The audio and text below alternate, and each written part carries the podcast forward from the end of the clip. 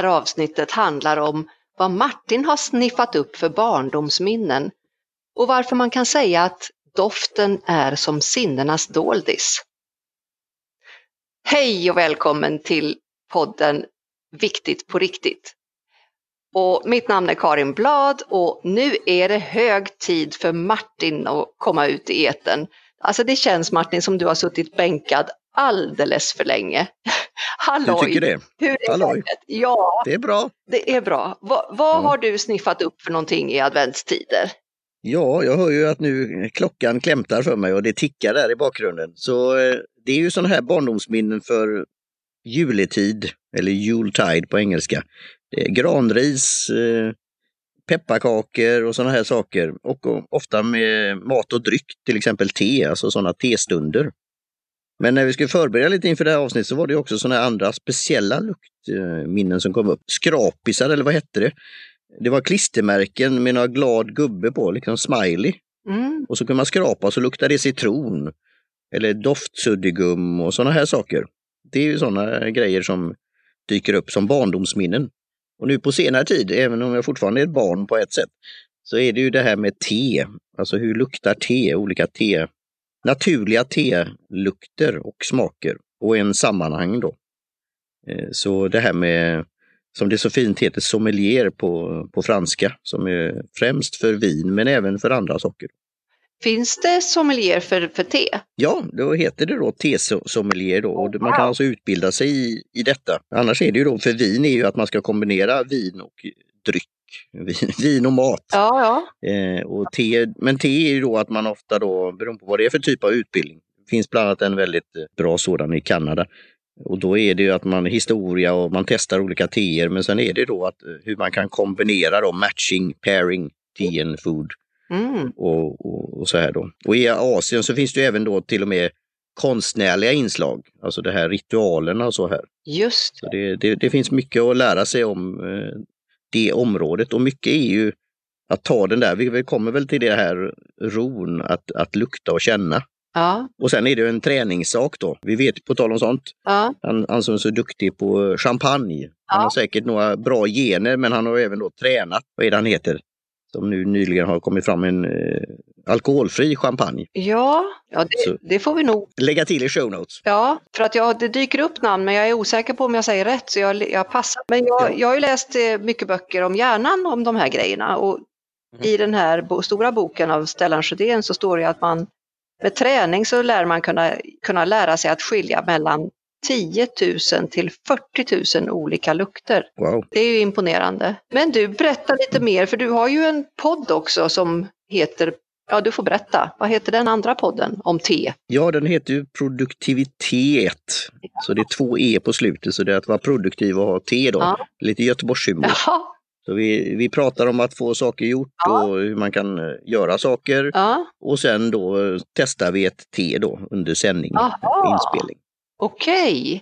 Så, så där är, och då säger vi ju då hur det luktar och hur det smakar och hur, det, hur vi tittar på det, både på bladen och sen när man har bryggt teet. Ja. Och, och vad man får för associationer och eventuellt då vad det skulle kunna passa till och sånt där. Och sen är det här med bryggtider och annat och även jämföra med andra då teer. Så det, det är ju det här, men på vårt sätt då, för vi, vi spelar ju in samtidigt då. Det är ju det här, ja. att både kunna prata och testa och och sörpla. Så det, det, är en liten utmaning också. Och sörpla. Ja.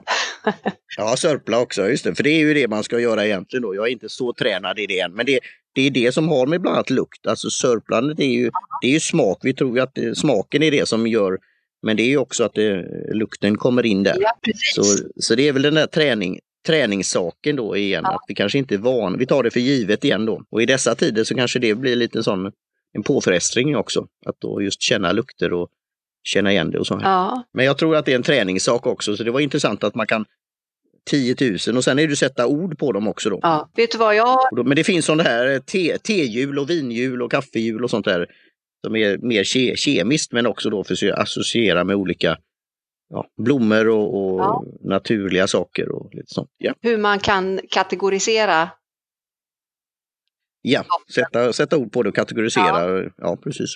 Ja, det är ju helt otroligt. Och eh, Alltså, jag brukar ju gärna ha med några boktips i podden, för det är kul tycker jag. Det finns ju allt möjligt som mm. man kan associera till. Men har du läst Parfymen?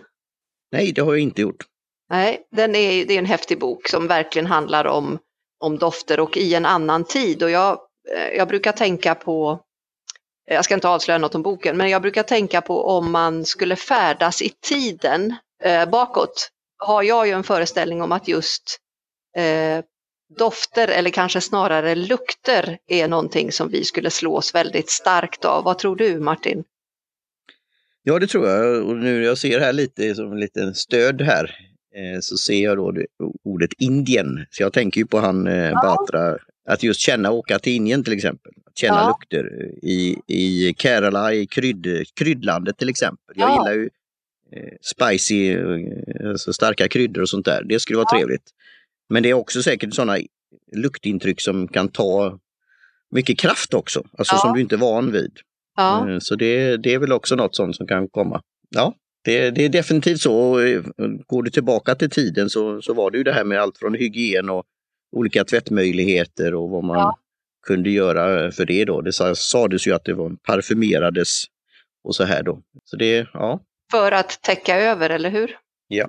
För att dölja det som inte doftar mm. så bra. Och eh, en, mm. en problematik var ju bland annat munnen och munhygienen som mm. var så usel att det, det luktade ju verkligen pyton ur munnen på folk. Oj. Och, ja, det var innan eh, eh tandkräm då.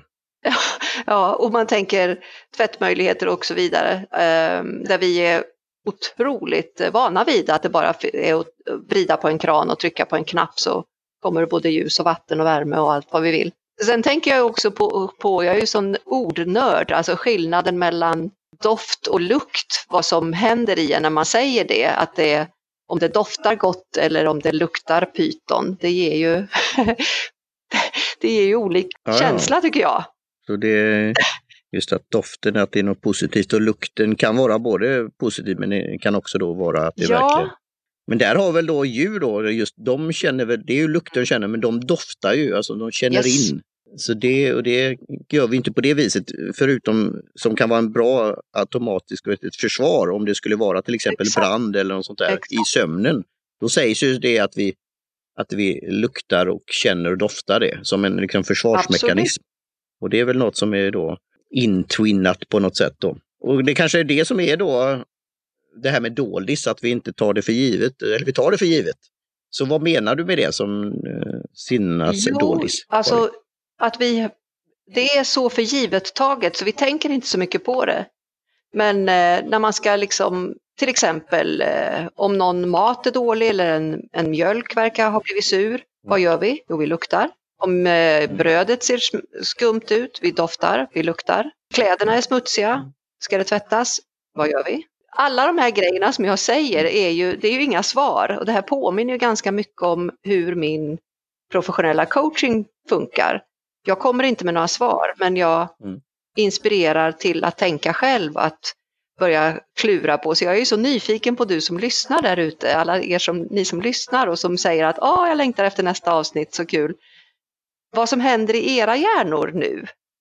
Vad ni har valt och vad mm. ni väljer för typ av doft eller luktförstärkare. För det är ju verkligen någonting som man kan jobba med medvetet. Jag tänker på företag också där det finns eh, olika mm. sätt att skapa en, en skön stämning via sinnena, bland annat doft. Det här är ganska stort och mm. eh, jag använder mig själv av det jättemycket.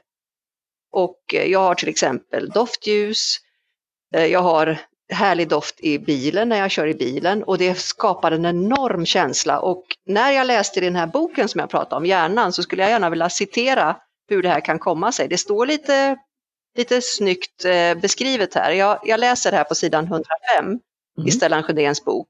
Luktsignalens direkta väg till limbiska systemet i mellanhjärnan kanske kan förklara varför en doft kan framkalla så tydliga och känslostarka minnesbilder av något som inträffade för länge sedan. Det här har jag själv varit med om. Till exempel när jag är ute en vårdag så så kan det komma en doft och plötsligt så är jag som om jag gick på mellanstadiet. Det här går ju inte att förklara vad som händer. Oj. Då kan jag minnas hur det kändes, Mm. jag minns kompisarna. Och du som lyssnar kanske har liknande grejer. Ett annat boktips för att hoppa iväg lite grann här i associationerna är ju till exempel eh, På spaning efter den tid som flytt av Marcel Proust. Där han vid doften av en madeleinekaka, en alldeles speciell kaka, så hela romanen egentligen lär bygga på det här. Jag har inte läst den själv, men det bygger på hur doftminnena framkallar hans tillvaro och liv. Häftigt tycker jag.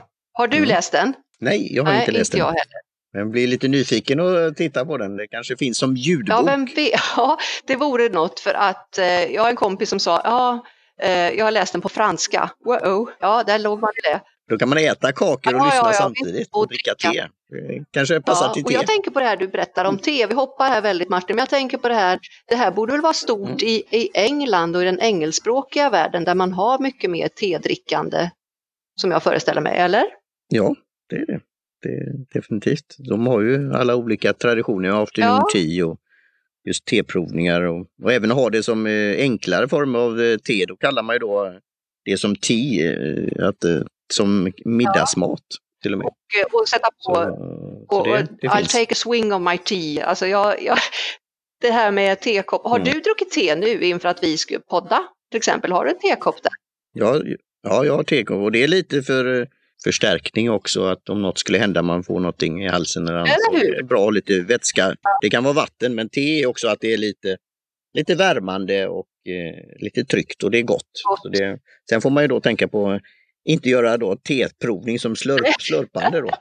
Jag, jag tänkte också på det här just med det här sörplandet, det sa jag bara spontant, men att det, både lukt och smak hänger ju starkt ihop och i våra tider så är det ju pandemi nu i den här advent 2020 Mm. och det är ju jättesorgligt för det är människor som har tappat lukt och smak i, på grund av corona.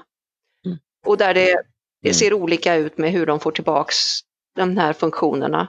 Och eh, jag tänkte också på, jag läste i den där boken här om just lukt, att som du var inne på, eh, vikten av att ha ett luktsinne som, som skydd när det brinner till exempel. Eller när man eh, nosar upp fara av olika slag. Det här finns mycket att prata om, men jag undrar Martin, ni, du har ju en adventskalender också i, på ett ställe, eller hur? Ja, det, det är faktiskt då tillsammans med då eh, co-host Johan och Johan, Johan Gustafsson och Johan Gudmundsson i Penna möter papper och de kom på den finurliga idén att ha en lucköppning då så vi kommer då ha sådana här, att man visar fram en penna eller papper eller något kontorsmaterial Ja. och skriver någonting om dem. Så det, och då blir det ju som på Instagram och Facebook och på andra ställen. Så där. Det, det är lite Oj, roligt. vad Och du har väl något liknande fast eh, på en annan eh, en nivå kan annan man säga. ja. Alltså jag fick en idé, så det har Mm. bara kommit så här jättesnabbt. På mässor brukar jag köra speed coaching bara för att man ska få en chans att prova vad är coaching för någonting? Vad är professionell coaching? Hur funkar det när man Mm. möter en, en eh, Master Certified Coach? En ICF Master Certified Coach, det som jag arbetar med. Och så körde jag det här online och har lagt ut framförallt på LinkedIn. Så en dag i veckan så får man anmäla sig och då börjar vi heltimma och så avsätter man en halvtimme i sin kalender och det blir coaching i 15-20 minuter. De personerna som får testa det här, de är sen, jag frågar dem om de vill, de är sen jättesnälla och är med i lucköppning på fredagen i den veckan och berättar om vad det här har gett dem, vad de hittade, vad var det för lucka som öppnade sig i dem. Istället för en god chokladbit så hittar de nytt i sitt liv, i sitt arbetsliv, i sin business. Och syftet är att sprida eh, kärlek, värme, glädje, inspiration, framtidstro. Precis samma syfte som podden här har i en tid som är jättetuff och där en, det har varit en tidigare november som har varit blygrå. Och eh, vi har ju hört på nyheter och så att pandemin ger sig inte i första taget. Vi måste hålla i och hålla ut. Och då är det här ett sätt att bidra att vi hjälps åt. Så då är det lucköppning, bara fyra luckor i min adventskalender. Första, andra, tredje, fjärde advent. Så att du som lyssnar på det här kanske har, Mm. har chans att ta en sån där speedcoaching. Åh himmel, där ringde klockan Martin. Oj. Nu är det dags att knyta ihop säcken. Mm. vår kvart, vet du. Det är det, va? Ja, Ja. oj, ja, hur gör det? Så du får slänga in, korta in associationer med advent, men vi har ju pratat lite om det, om, om de här eh, gemytliga Ja. sakerna som pepparkakor och ris och annat och kryddor. Saffran och clementiner. Och, Åh. men ni får ju tänka på det där ute i Ja, etern. det går, ju, går att göra väldigt mycket. Doften av eh, om man lackar en klapp eller ja, det finns Mm, otroligt mycket att, att förstärka till, med eh, dofter. Mm. Så ja, Martin, var hittar man dig? Ja, man hittar man ute i cyberspace på egonetcast.com. Ja. Och mig hittar man på karincoach.se. Min webb håller på att byggas om, Mm. men eh, skriv ett litet meddelande där så får du meddelande om när allt är klart. Och eh, ja, Du ja har det en har jag. Paul. Coach. Det är bara att kontakta så, så får man höra hur, man, hur det här går till. Liksom. Det är det bästa faktiskt. Och sen har vi våran avslutning, Spanarna på Hill Street-varianten, eller hur Martin? Tycker du jag ska dra den nu? Precis. Ja, det Kära tycker jag. lyssnare, ni underbara som har hängt med idag. Börja med att göra dagen lite vackrare, lite bättre, lite roligare. För du är ju där! Hej då!